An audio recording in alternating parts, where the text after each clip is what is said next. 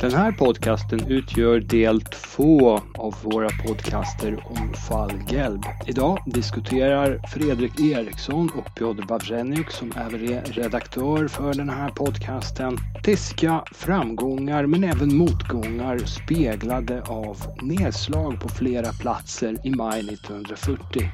Vi uppehåller oss en hel del i Belgien, i dess olika delar i Nederländerna. Vi tittar på den brittiska insatsens planering och genomförande, på motanfallet vid Arras och slutligen diskuterar vi begreppet blixtkriget, eller blitzkrig. Det här är en podcast från ämnet militärhistoria på Försvarshögskolan. Tack för att ni lyssnar det finns ganska många aspekter av, av Västfälttåget. Alltså Västfälttåget är ju, det är ju en enorm eh, operation. Det här, det här är ju ett, helt, det är ett helt annat plan. Vi talar inte längre om enskilda arméer utan vi talar om armégrupper och, och, och liknande. Så det här har helt enorma dimensioner och därför kan man svårligen gå igenom alla detaljer i det här, eh, den här operationen och det här fälttåget västerut för tysk räkning. Men man kan välja att lyfta fram några aspekter som är signifikanta och som också pekar på eh, större händelseförlopp och någonting som också pekar in framåt in i historien och också länkar bakåt till, till de första delarna av, av eh, andra världskriget. Och tidigare har vi talat om, om eh, överraskningsanfallet mot, mot Danmark-Norge 9 april 1940. Och tyskarna tänker sig nog egentligen att man ska lyckas att göra ungefär samma sak mot Belgien och Nederländerna.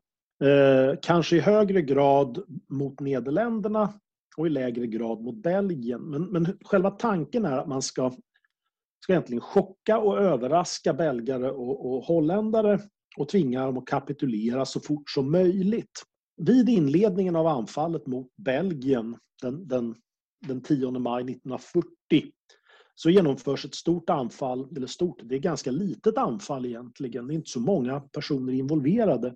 Men anfallet mot Eben-Mael, som är alltså ett belgiskt fort eh, som ligger inte så långt från, från Maastricht som då ligger i Nederländerna. Men där skyddar alltså egentligen broarna över Mös, eller Mas, eh, i det här området och länkar då in i, i det belgiska försvaret av Albertkanalen. Så det här är, är liksom en av de centrala stödjepunkterna. Eh, fortet är byggt eh, 32 till 1935 och har egentligen det är ett ganska omfattande fort, artillerifort med, med, med kanoner, 12 cm kanoner som tyngst. Men för tysk, från tysk synvinkel så är det väsentligt att man tar de här broarna över floden för att få över sina förband så fort som möjligt. Och då måste man också ta det här fortet. Och planen för att ta fortet har fallit just på den här sjunde Fliegerdivision, de tyska fallskärmsjägarförbanden. Och vi minns ju då Mechelen-incidenten där en majoren som är ansvarig för logistiken och underhållet i den här divisionen eh, egentligen röjer planerna. Eh, men inte planerna på, på intaget av fortet, e, fortet Emedevael. Men på den 10 femte så överraskar tyska fallskärmsjägare, den belgiska garnisonen, som i och för sig inte är, är fulltalig på något sätt. Men eh, glidflygplan landar på fortets gässa. Egentligen 78 man som genomför det här anfallet. Eh, den grupp som ska genomföra det kallas för Storm, Sturmgruppe Granit och leds av löjtnanten Rudolf Witzig men eh, problemet för Witzig är att hans glidflygplan kan inte lösgöras från eh, bombplanet som drar det så att han tvingas återvända till Tyskland. Eh, och istället så, så vet du, leds det här anfallet av fältväben Helmut Wenzel, det är alltså mannen på plats som nu tar beslutet att vi fortsätter anfallet. Så underbefälet kommer att leda det här. Och det här illustrerar just den här tyska uppdragstaktiken där att eh, vi fortsätter anfallet och, och chefen kunde inte delta. Fine. Eh, samtidigt med det här och egentligen några, i några fall före anfallet mot fortet så, så landar andra stormgrupper eh, vid broarna över floderna och börjar ta dem och demontera de sprängladdningar som finns på broarna. Eh, det går ganska snabbt och det, det blir ganska stor framgång för de tyska förbanden. Men ganska så fort så, så räddar man broarna undan förstörelse och man tar också fortet Eben MAL. Man har förövat det här. Man har, genom, man har byggt eh, några av de, eh, ja, inte första, men, men eh, sprängladdningar åtminstone med riktad sprängverkan som inte är helt vanligt förekommande i det här tidiga läget av, av, av, kriget. Men man har byggt alltså sprängladdningar med riktad sprängverkan för att slå sig igenom kupolerna på det belgiska fortet. Så att det belgiska försvaret besegras egentligen ganska snabbt, främst genom överraskningen. Så att i det här fallet så går det ganska bra med, med, eh, med överraskning just i det här vid fortet Eben MAL.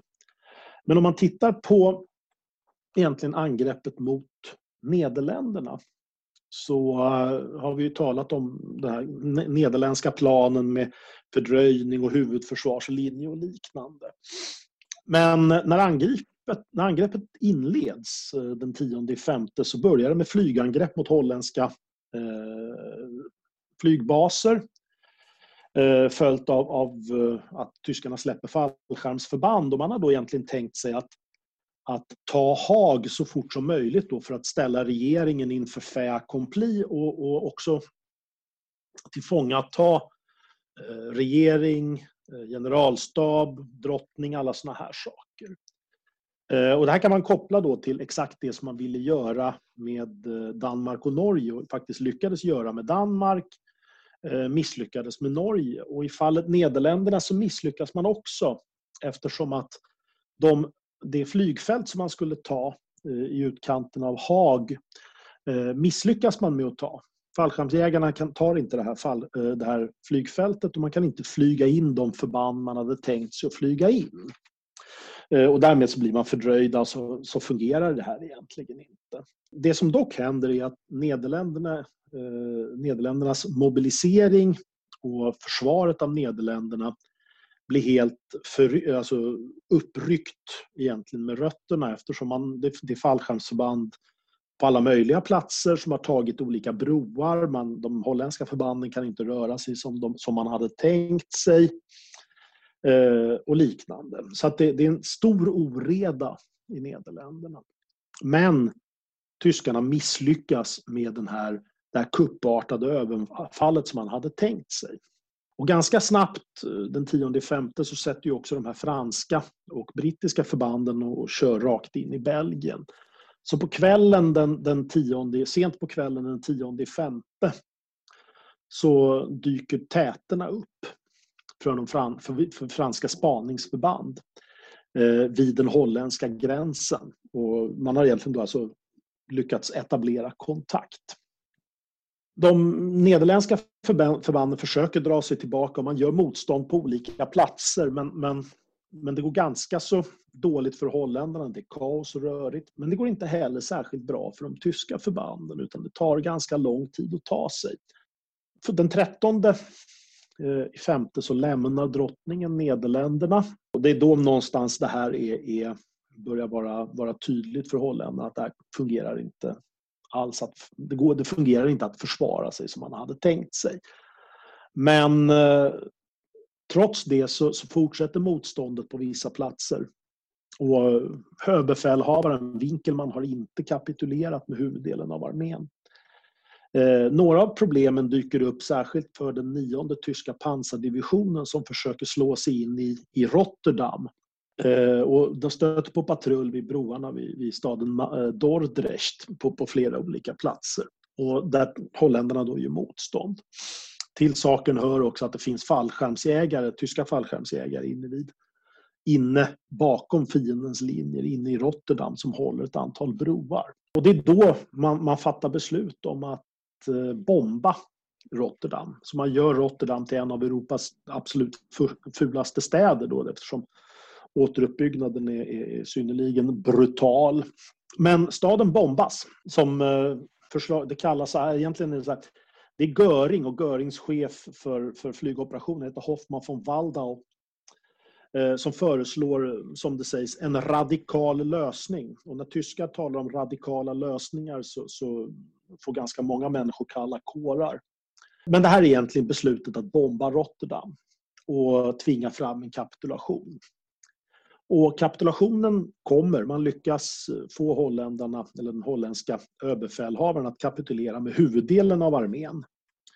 Men eh, i detta så ingår inte den holländska flottan eftersom den redan har stävat ut och är på väg till Storbritannien.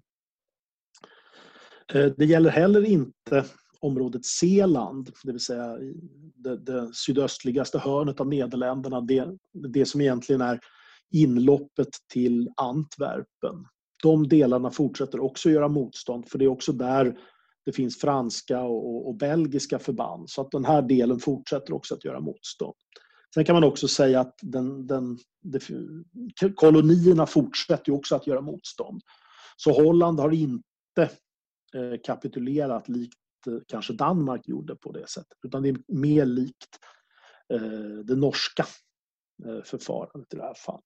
Då passar jag på att kontra med ett exempel från försvaret av Belgien, nämligen på potentialen hos eh, terrängen i Ardennerna om den nu, om terrängen försvarades, om fältarbeten försvarades, så hade ganska relativt små förband goda förutsättningar att länge fördröja eh, mycket större förband. Som det var i fallet med byn Chabrehe som ligger en bit ifrån eh, Luxemburgska gränsen som råkade befinna sig eh, längs med huvudvägen för Rommels sjunde pansardivisions framryckning. Och Rommels sjunde pansardivision och den femte pansardivisionen de ingick i Hots pansarkår eh, som opererade längst i norr av de här kårerna eh, underställda armégrupp A, fjärde armén. Sjunde pansardivisionen korsar gränsen mot Belgien vid Hemmeré och framrycker i oförsvarade fältarbeten som utgör inga större hinder för de tyska förbanden att ta sig fram. Och dessutom så backas de upp av eh, massivt flygunderstöd i, ifall att. Eh, men när de når till byn Chabrehe på kvällen runt klockan 18 10 eh, maj eh, möter de motstånd. Eh, det är kompani ur chassör Ardennais, eller Ardennejägarna, som befinner sig på plats. Och det är två plutoner som är aktivt inbegripna i striden. Som fördröjer sjunde divisionen kraftigt. De tyska tätförbanden som består av motorcykelbataljon upptäcker stridsfordonshindrande fältarbeten öster om byn. De får inte stridskontakt. De fortsätter. Belgiska förbanden upptäcker tysk stridsvagn som först, först misstas för belgisk stridsvagn av typen T15 men sen känns igen som tysk stridsvagn. Men man låter den här stridsvagnen fortsätta också. Man öppnar inte eld. Och i och med att stridsvagnen inte möter något motstånd så fortsätter de tyska, den tyska motorcykelbataljonen sin framryckning. Då öppnar belgarna eld. Eh, tyskarna besvarar elden.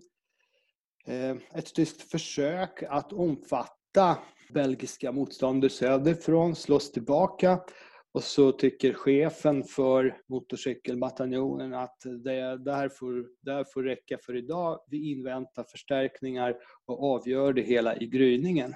Då anländer Rommel till platsen. Han är inte nöjd med, med läget. De är försenade. De ligger efter i planeringen för den här dagen och det är lång trafikkö bakom dem. Eh, hela vägen till Tyskland vid det här laget fortfarande av eh, fordon.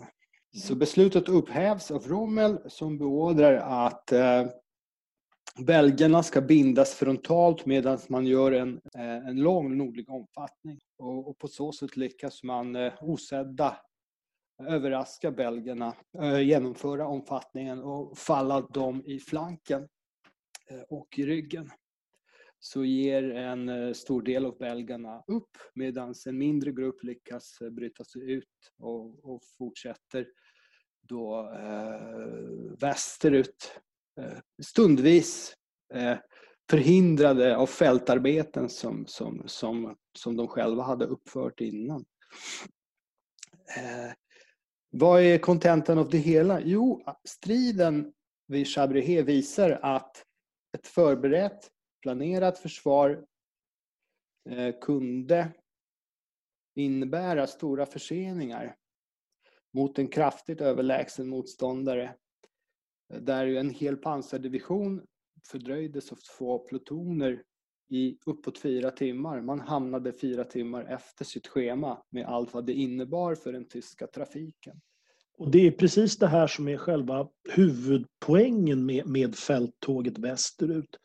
Utgången är ingalunda given när det här anfallet utlöses. Och inte heller tyskarna har nog tänkt sig riktigt de stora framgångar man faktiskt har utan man har nog tänkt sig ett, ett bra mycket jobbigare förlopp än det som sker. Men Chabrier och även andra platser illustrerar ju just hur motståndet på vissa platser lätt kunde fördröja en tysk framryckning under mycket längre tid än vad, vad man hade tänkt sig. Och jag tänkte säga också någonting om, om, om de brittiska förbanden som, som faktiskt tjänstgör här på, i, i, eh, i, mot, mot tyskarna i fälttåget västerut. Och det är ju just det här att vi har, vi har ju talat mycket om de franska och belgiska och även nederländska försvarsplanerna. Men man kan ju ganska kort säga så här att Storbritannien har ingen försvarsplan annat än att eh, man deltar på kontinenten. Eh, och kanske hoppas att allting bara ska ta slut. Men man har i stort sett inga försvarsplaner annat än att man är, blir en del av det franska, den franska planläggningen. Och när British Expeditionary Force som, som faktiskt tjänstgör den består i stort sett av, av tio fältdivisioner och sen så finns det också tre ytterligare divisioner från Territorial Army som inte är färdiga för strid utan de används för för just fältarbeten och liknande. Det är alltså Labour Divisions som man kallar dem. Chefen för, för eh, British Expeditionary Force det är ytterligare en av de här med fantastiskt namn. Va? Han heter John Surtees Prendergast Vereker. Eh, Lord Gort i kort form. Men, eh, och det här är inte riktigt vem som helst, fältmarskalken. Han har ju tjänstgjort under första världskriget på västfronten. Han har tjänstgjort vid Mons, eh, Somme, Passchendaele och slutoffensiverna. Bland annat så har han ju fått ett Victoriakors 1918 för striden vid Canal du Nord. Så, att han, så han är inte riktigt vem som helst den här Lord Gort. Eh, men han kommer få bära hundhuvudet för, för misslyckandet med, med British Expeditionary Force. Trots att, att det kanske inte riktigt bara är hans skuld som, som, som ligger bakom det här. Eh, han kommer sen vara guvernör på Malta 1942 till 44 och leda försvaret av, av, av den ön mot, eh, mot italienska och tyska flyganfall. Man kan också säga det här att många av de cheferna som tjänstgör här i British Expeditionary Force eh, det är de som sen kommer att vara ganska stora namn under senare delarna av kriget. Eh, en av dem är Harold Alexander som är chef för första infanteridivisionen men också kommer ta över första armékåren i British Expeditionary Force. Senare fältmarskalk, chef för eh, de allierade styrkorna i Italienfälttåget. Montgomery, han tar över den andra armékåren och ersätter då eh, generalen Alan Brooke. Och Alan Brooke blir sen chef för, för imperiets generalstab. Chefen för den 13 infanteribrigaden i den femte infanteridivisionen. Han heter Miles Dempsey och kommer sen vara liksom pansarchef. En av Montgomerys pansarchefer och, och, och också en synnerligen framgångsrik sådan. Men här så är han chef för 13 infanteribrigaden och det leder in lite mot just eh, en sån här sak som man kan lyfta fram för att peka på att eh, små eller förhållandevis små saker kan få ganska stor inverkan. Och ett av de här är just slaget vid eh, Ara, eller Arras, den 21 maj 1940. Och då ska vi komma ihåg att tyskarna har ju här faktiskt nått kanalen. Och så att en del av, av eh, de, de allierade arméerna är instängda i en ficka i Belgien omringade av tyska förband och med, med egentligen kanalen i ryggen. Och vi har alltså planerat britterna en, en motattack. Eh, och det man främst då kommer att möta det är ju den här pansarkåren, 15 pansarkåren, Hauts kår med sjunde pansardivisionen under Rommel och eh, femte pansardivisionen under Max von Hartlieb-Walsporn. Ännu ett sånt här fantastiskt namn. Jag älskar såna här bisarra namn. Men anfallet är, är, är egentligen tänkt för att fördröja eh, den tyska fram, framryckningen. Eh, samordningen då mellan de här eh, förbanden för att man sätter ihop en Eh, britterna sätter ihop en styrka, kallas för Frank Force. Och det har att göra med att den är, han, som, han som är chef han heter eh, Harold Franklin. Och han är chef för femte divisionen. Och den styrkan som ska genomföra anfallet det är den 13 infanteribrigaden som vi nämnde. Eh, 50 infanteridivisionen och stridsvagnar ur, ur The First Tank Brigade. Eh, stridsvagnarna är, är, inte så många. Det finns lite olika siffror på hur många de är. Men i huvudsak så någonstans mellan 70 och, 90 stridsvagnar är det här. Brittiska stridsvagnar av eh, typen Matilda, Matilda 2 och Matilda 1. Matilda 2 har då en, en kanon och Matilda 1 har, har kulsprutor på, av ganska väl, på ganska välkänt maner. Det som man kan säga just när det gäller den här Eh, stridsvagnen det är ju det att det tyska pansarvärnet kan inte slå ut den annat än med sina 88 -or. Så att de här det är synnerligen välbepansrade stridsvagnar och de kommer att tjänstgöra ganska långt fram i kriget just på grund av sitt pansar. Eh, däremot är kanonen kanske inte den absolut eh, bästa men under västfälttåget här så, så var det fortfarande inget större fel på den pjäsen. Den har gått i paritet med, med andra tyska Eh, eller franska eller, eller svenska pansarvärnskanoner för den delen. Men huvudpoängen här är egentligen att man genomför ett anfall mot staden Arras, eller runt om, omkring staden Arras. Och träffar egentligen på, då, eller brakar samman med tyska förband. Främst ur, ur, ur sjunde pansardivisionen. Och I vissa fall så driver man tillbaka tyskarna, i vissa fall så, så retirerar tyska förband. Och i vissa fall så, så utbryter ren panik bland de tyska förbanden.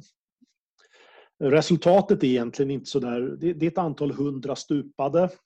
Eh, britterna tar 400 tyska fångar och totalt någonstans slås 100 stridsvagnar ut, både allierade och tyska. Så det är inte en sådär oerhört eh, stor framgång eller liknande. Det som är det viktiga däremot med den här striden det är just det att det får oproportionerligt stort inflytande på, på det senare händelseförloppet. Och det är det att det skrämmer den tyska ledningen ordentligt. Att helt plötsligt så kan man själv bli kringränd om en nu brittiskt pansar eller franskt pansar lyckas bryta igenom. Till saken hör nämligen att dagen efter, den 22 femte, så genomför fransmännen ett pansaranfall vid Cambrai eh, man har också genomfört ett antal olika anfall i anslutning till slaget vid Arras. Eh, och det, det, går lite sisådär för fransmännen. Och en av anledningarna är som sagt att samordningen mellan de brittiska och franska förbanden är inte den bästa. Och det är heller samordningen mellan högkvarteret i Storbritannien och britterna, den brittiska förbanden på plats är inte det bästa. Ursprungligen så skulle det ha varit ett och samma motanfall. Ja, precis så. Men man, man, man kan liksom inte... Det, här är det stora problemet, att man samordnar inte eh, de här, de här eh, anfallen. Men tyskarna blir livrädda, de tyska cheferna. Därför att helt, alltså, man har inte eget infanteri att någonstans hålla linjerna bakåt och försvara sig mot, mot, mot de här stridsvagnsanfallen och kombinerade stridsvagns och infanterianfall. Därför att det, det, det lilla motoriserade infanteri man har, det har liksom följt med. Va? Och är i stort sett upptagna. Och de andra har inte hunnit efter? Nej, de ligger nästan en vecka bort. Det fotmarscherande tyska infanteriet, de som kan liksom täcka upp de här luckorna. Så, och dessutom så har de tyska förbanden ganska dåligt om underhåll, med, alltså logistik, det vill säga drivmedel och ammunition och sådana saker.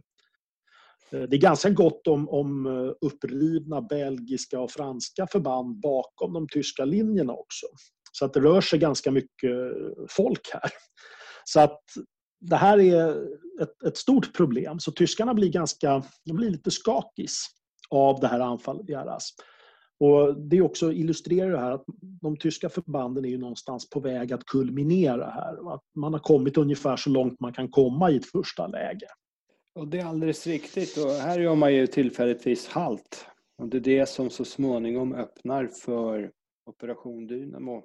Mm. Tyskarna bromsar upp framfarten och försöker konsolidera och samla sig. Mm. Och då får britterna också och med belgarna och fransmännen fortfarande att organisera fördröjningsstrid och organisera evakuering via Dunkerque. Eh, så någonstans så blir det här eh, taktiska bakslaget till operativ framgång. Och det är inte mm. minst tack vare Rommels överdrifter eftersom han då rapporterar, rapporterar till sin ledning om hundratals bekämpade stridsvagnar. Eh, Medan i, i själva verket så, så tror jag att de allierade förlusterna uppgick till knappt 60-tal stridsvagnar. Det är ungefär 60 stridsvagnar som, som finns i, i, eh, i förlust, bland förlustsiffrorna. Men som sagt, förlustsiffror det, det, det är svåra saker att räkna. Det, vilket illustreras just av det här Rommels siffror. Men det man också kan säga är ju det här att det här illustrerar att det här alltså blixtkrigstänkandet eller vad man ska, ska säga, det, det är inte riktigt så utvecklat som, som det ofta har framställts i efterhand.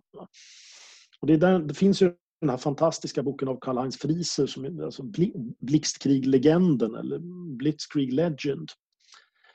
Som, är, som illustrerar just det här, hur, alltså bilden av den tyska militära excellensen och, och liknande.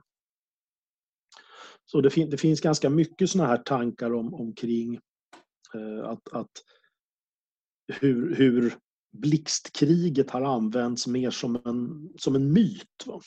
Den har använts som en myt och det är en myt som konsolideras inte minst av den tyska propagandan. Titta bara på inslag från Wochenschau mm.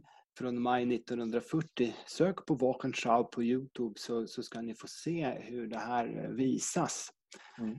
Och eh, tids nog så har, givet den tyska organisationen och Hitlers dominans, så har de tids nog eh, de viktiga beslutsfattarna har glömt vilka specifika faktorer, vilka specifika förutsättningar det fanns för de egna framgångarna 1940. Mm. Framförallt så när man går in i Sovjetunionen sommar 1941 med den här Mm. enorma operativa rymden där, man, där motståndaren kan kosta på sig av hela Belarus och Ukrainas territorium som fördröjnings och avvärjningszoner. Mm. Och, så en, en, och så en bit av, av västra Ryssland också. Ja, man, man, liksom, man, faller på, man faller på myten om den egna, den egna framgången egentligen. En, en annan sak som man också kan säga det är ju det att Eh, den här blixtkrigsmyten eller legenden om det, den byggs ju inte upp bara av den tyska propagandan utan den byggs ju lika, lika mycket upp av den västallierade propagandan. Alltså att, att man själv blev överraskad och besegrad eh, det var ju för att tyskarna var så oerhört överlägsna på ett sätt som man själv absolut inte kunde ha tänkt sig. Så man överdriver ju även den tyska överlägsenheten här för att förklara det egna nederlaget. Eh, trots att Chabré, Arras och ett antal olika sådana här platser mycket väl illustrerar att den västallierade materielen är inte sämre. Eh, den västallierade förbanden är egentligen inte sådär hejdlöst mycket sämre än majoriteten av de tyska förbanden. Utan det som kanske är tyskarnas stora framgång är chefskapet i det här fallet kombinerat med att både franska, brittiska förband är synnerligen stelbenta. Alltså, det tar väldigt lång tid att agera och göra någonting. Och därför blir sådana här motståndsfickor eh, högst lokala företeelser. Britter och, eller vet vad säger belgare och holländare, de, de, det, är, det är småstater som är liksom, ja, de, de följer med bara egentligen och i, i det stora nederlaget. Och gör väl motstånd så gott det går men, men, men eh, lösningen på deras strategiska problem ligger liksom någon annanstans. Ja, det är mycket riktigt att styrkeförhållanden, för ofta kan man ju få intrycket av att styrkeförhållandena var de motsatta, det vill säga att tyskarna var kraftigt överlägsna. Men tittar vi på antalet divisioner så stod det 151 divisioner. Eh, Frankrike, Storbritannien, Belgien, Nederländerna mot tyskarnas 135. Mm. Tittar du på artilleripjäser så var det 14 000 mot 7 370. Tittar du på stridsvagnar så var det massivt övertag. 4 200 stridsvagnar i de fyra mm. länderna mot tyskarnas 2 400. Mm. Eh, och liknande läge med, med flygplan. Bara att mm. tyskarna höll ju en stor del av sina, så gott som allt flyg operativt. Mm. I motsats till de, Frankrike till exempel och Storbritannien som är förutsåg en, eh, planerade för längre krig och då kunde man inte liksom bara spendera material i inledningsskedet. Medan det, för tyskarna det var allt på ett bräde. Det var ju också en enorm chansning och en stor, ett stort risktagande från deras sida. Mm. Absolut så. Alltså det, det Brit Royal Air Force bidrar till, till försvaret av, av, eh, mot, mot, eller försvaret av Frankrike eller vad man ska säga med ungefär 500 flygplan. Och det är en stor del av, av det brittiska jaktflyget som inledningsvis sätts in där. Man förlorar också en stor del av sin materiel. Eh, men man kan inte satsa precis allt i det här läget utan du måste fortfarande bevara ett skydd av, av hemlandet och liknande. Så att det finns ett antal olika problem här men intrycket ges oftast att, att det tyska Eh, den tyska krigsmakten i det här läget är helt överlägsen. Men det är långt ifrån så. Och tittar man också eh, stridsvagn, alltså stridsvagn mot stridsvagn så är det inte så att de, de tyska stridsvagnarna är helt överlägsna. Utan snarare tvärtom, så de är ganska likvärdiga.